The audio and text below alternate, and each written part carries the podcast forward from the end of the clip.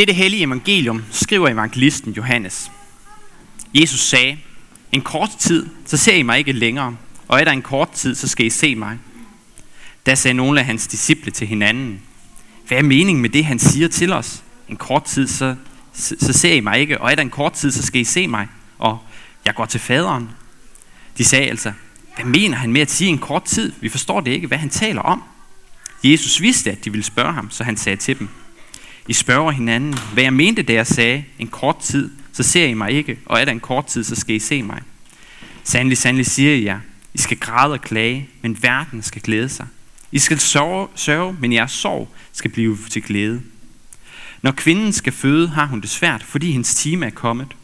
Men når hun har født sit barn, husker hun ikke mere sin trængsel af glæde over, at et menneske er født til verden. Og så I sørger nu, men jeg skal se jer igen, og der skal jeres glæde, der skal jeres hjerte glæde sig, og ingen skal tage jeres glæde fra jer. Amen.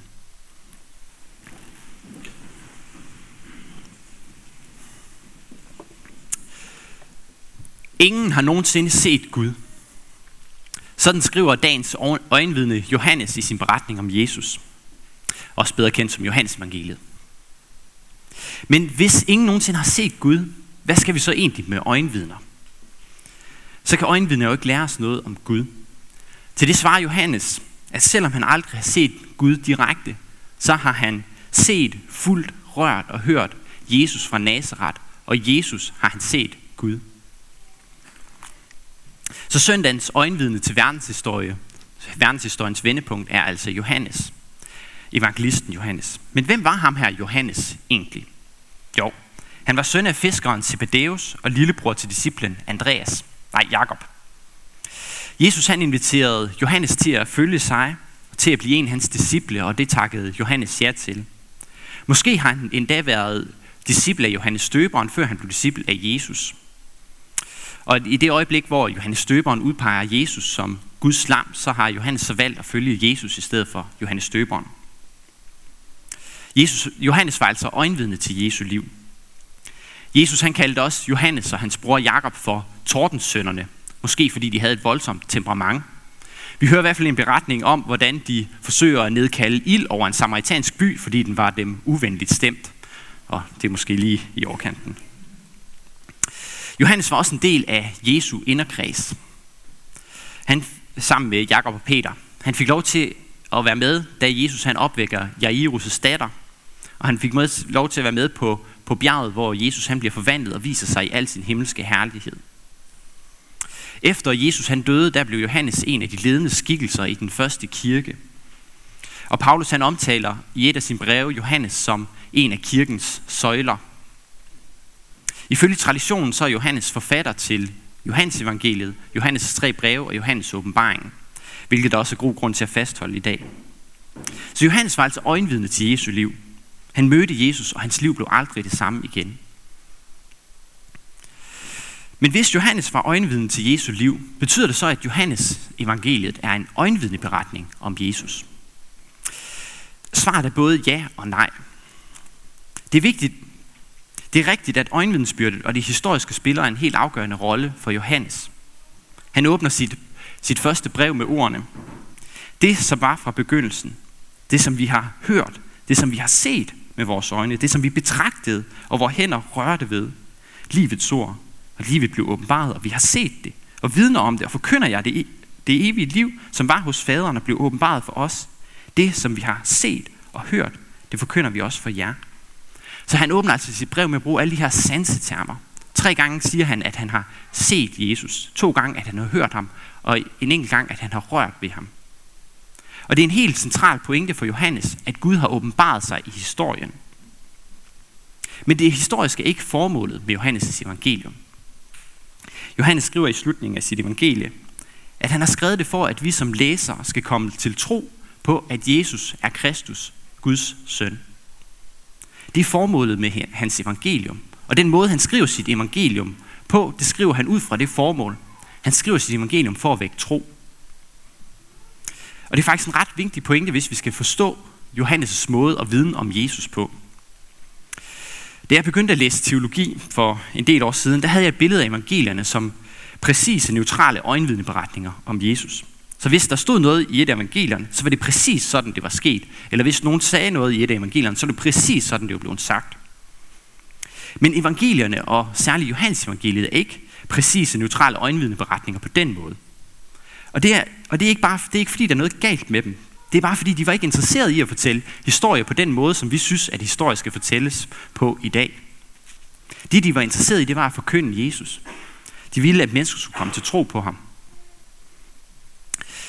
En af de opdagelser, som virkelig udfordrede mig, da jeg læste teologi, det var da min underviser i Nye Testament, han påpegede, at Johannes' eller Jesus' taler i Johannes evangeliet, de ligner stilmæssigt langt mere Johannes' breve, end de ligner, ligner Jesus' taler i de andre evangelier. Det virker altså som om, at Johannes har lagt ord i munden på Jesus i Johannes evangeliet. Det udfordrer mig. Men betyder det så, at Jesus ikke har sagt det, der står i Johannes evangeliet? Og det er selvfølgelig et kompliceret spørgsmål at besvare. En mulighed det er, at Johannes han har taget udgangspunkt i ord og taler af Jesus, og så udviklet og fortolket på dem. Er det et problem, hvis han har gjort det? Er det et problem, hvis Johannes han har fortolket og udviklet på Jesus taler, så de passer til det formål, han skriver ud fra, til den målgruppe, han skriver til? Han har trods alt fået helligånden og har fået et særligt apostelkald. Jeg mener ikke, at vores tro står og falder med, at evangelierne er præcise, neutrale historiefortælling. Vores tro står og falder med evangeliets sandhed. Vores tro står og falder med kernebudskabet om Jesus, der døde på korset for vores sønder, og at vi ved tro på ham kan få evigt liv. Evangeliet er selvfølgelig stadig knyttet til historiske begivenheder. Hvis Gud ikke blev menneske i Jesus fra Nazareth, hvis Jesus han aldrig blev korsfæstet og lagt i graven, hvis han aldrig opstod fra de døde, så er vores tro, som Paulus påpeger det, tom. Men evangeliet er ikke knyttet til, at evangelierne er præcise, neutrale, historiske fortællinger. Det vi som mennesker har... Hvad har vi som mennesker brug for, hvis vi skal kunne tage evangeliet til os og kunne komme til tro? Vi har ikke brug for præcis neutral historisk viden om alt, hvad der skete i Jesu liv. Det vi har brug for, det er en fortolkning af de hændelser, der skete. De historiske hændelser, der skete. Vi har brug for at få at vide, hvem Jesus han er, hvad det, og hvad det betyder for os og for vores relation til Gud. Og det er netop, hvad evangelisterne de giver os i de fire evangelier. Hvad skal vi med præcis historisk viden om Jesu død på korset, hvis vi ikke ved, hvad det betyder for os? Hvis vi ikke ved, at det betyder, at Jesus tog vores straf, at vi er tilgivet, og vi ikke behøver at fortjene os frelsen. Hvis man skal bruge et metafor om Johannes evangeliet, så kan man sige, at Johannes evangeliet er ikke et fotografi af Jesus. Det er ikke en præcis, detaljeorienteret gengivelse af, hvem Jesus var. Nej, der er snart tale om et portrætmaleri. Et portrætmaleri, det er altid en fortolkning. Maleren har et budskab. Han har noget, han gerne vil kommunikere. Det betyder selvfølgelig ikke, at så er lige, lige, lighed med den historiske person fuldstændig ligegyldigt. Man skulle jo stadigvæk gerne kunne genkende, hvem det er, der er blevet malet. Men på samme måde er det med Johannes evangeliet. Johannes han tilstræber ikke neutralitet og objektivitet. Han forkynder evangeliet. Han vil male et bestemt billede af Jesus. Et billede af Jesus, der viser os, hvem Jesus han virkelig var. Så vi som læsere kan tro på Jesus og få del i evigt liv og fællesskab med Gud. Så hvad er det for et billede af Jesus, som Johannes han maler? Og her må jeg indrømme, at jeg ikke synes, at dagens evangelietekst er den mest oplysende. Det er faktisk en ret forvirrende evangelietekst. Hvis man vil have essensen af, hvad, Jesus, hvad det billede, som Johannes han maler af Jesus, så er det meget bedre at gå til de første vers af Johannes evangeliet. Johannes han åbner sin beretning om Jesus fra Nazareth med ordene. I begyndelsen var ordet, og ordet var hos Gud, og ordet var Gud. Han var i begyndelsen hos Gud. Alt blev til ved ham, og uden ham blev intet til af alt det, som er. I ham var liv, og livet var menneskers lys, og lyset skinner i mørket, og mørket greb det ikke.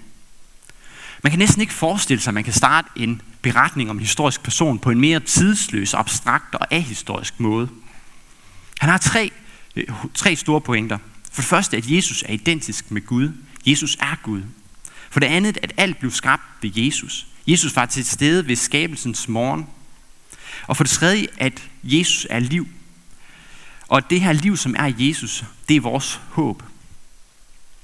Johansen fortsætter sit evangelium. Og ordet blev kød og tog bolig i blandt os, så vi så hans herlighed.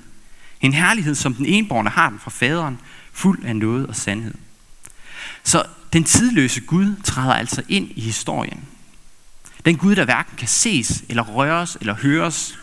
Ja, han træder ind i menneskers erfaringsverden, og Johannes får lov til at møde ham, han får lov til at høre ham og røre ham. Og Johannes fortsætter. Ingen har nogensinde set Gud, den enborne, altså Jesus, som selv er Gud, og som er i faderens tår, favn, han er blevet hans tolk. Så Jesus er Guds tolk. Men hvordan skal vi lige forstå det? Hvordan skal vi forstå, at Jesus er Guds tolk? Jo, en tolk det er en, der gør det uforståelige forståeligt. Det er en, der oversætter. Og på samme måde er det med Jesus. Han gør en uforståelig Gud forståelig for os. Han viser os Guds sindelag mod os. Men har vi virkelig brug for sådan en tolk? Er det ikke nok, at vi for eksempel har med naturen? At, og naturen kan fortælle os om, hvem Gud er. Det er sandt, at naturen kan fortælle os noget om Gud. Når vi ser på naturen, er den fantastiske skønhed, kompleksitet og kreativitet, der ligger i den naturlige verden, så vidner det om Gud, om en Gud, der er endnu større, endnu smukkere og endnu mere kreativ. Men naturen taler også tvetydigt om Gud. I naturen finder vi ikke kun skønhed og kreativitet, vi finder også død og forfald, vi finder lidelse, vi finder naturkatastrofer, sygdom, rovdyr, alderdom. Så hvis vi blot lader naturen tale, ja, så kan vi også komme frem til et billede af Gud, at han er ond og brutal, eller at han er fuldstændig ligeglad med os, eller at Gud indeholder både godt og ondt. Nej, så vi har brug for en tolk i mødet med naturen. Vi har brug for en, der kan vise os og fortælle os, at skønheden og livet og kreativiteten, som vi møder i naturen, at det er det grundlæggende og evige. Og at forfaldet og døden, som vi møder, lidelsen, at det er undtagelsen og det midlertidige. Men hvad lærer vi så, når vi ser Gud gennem Jesus som tolk? Hvad lærer vi om Gud, når Jesus gør Gud forståelig for os? Der er, der er to oplagte steder at se hen. Graven og korset. På korset der viser Jesus os Guds kærlighed til os. Han tager vores synd og straf på sig for vores skyld. Han tager korsets lidelse og smerte på sig for vores skyld. Han dør for os Graven viser, at Jesus sejrer over døden. Døden kan ikke holde Jesus fanget. I Jesus er der liv, der overvinder døden, og det her liv giver Jesus os del i. Man kunne sige meget mere om de her to historiske hændelser, men jeg vil i stedet rette vores opmærksomhed mod en lille selvbiografisk detalje i Johannes evangeliet. Det er sådan, at Johannes evangeliet er skrevet anonymt. Titlen Johannes evangeliet er først kommet til lang tid efter, at Johannes skrev sin tekst men har dog i den kirkelige tradition, som jeg sagde, altid regnet Johannes som forfatter.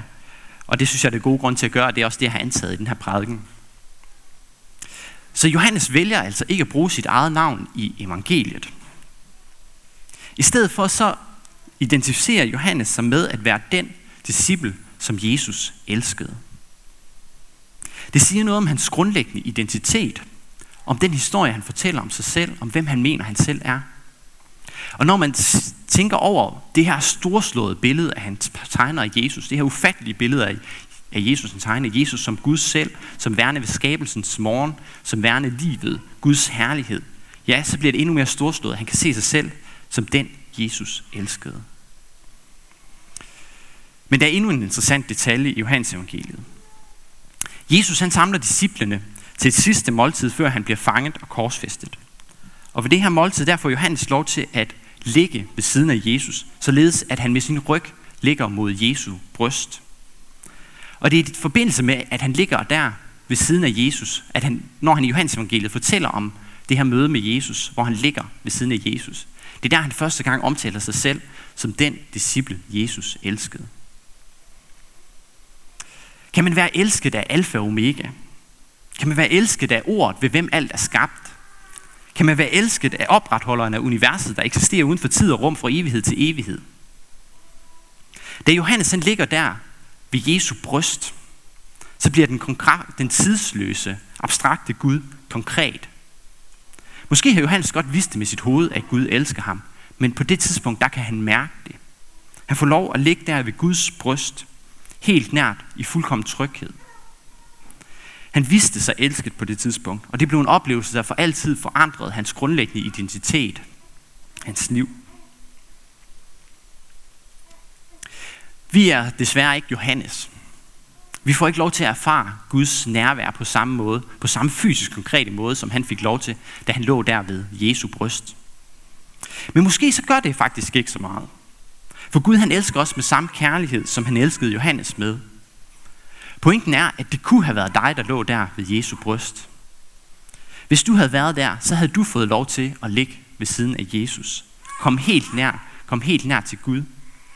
For du er den disciple, som Jesus han elsker.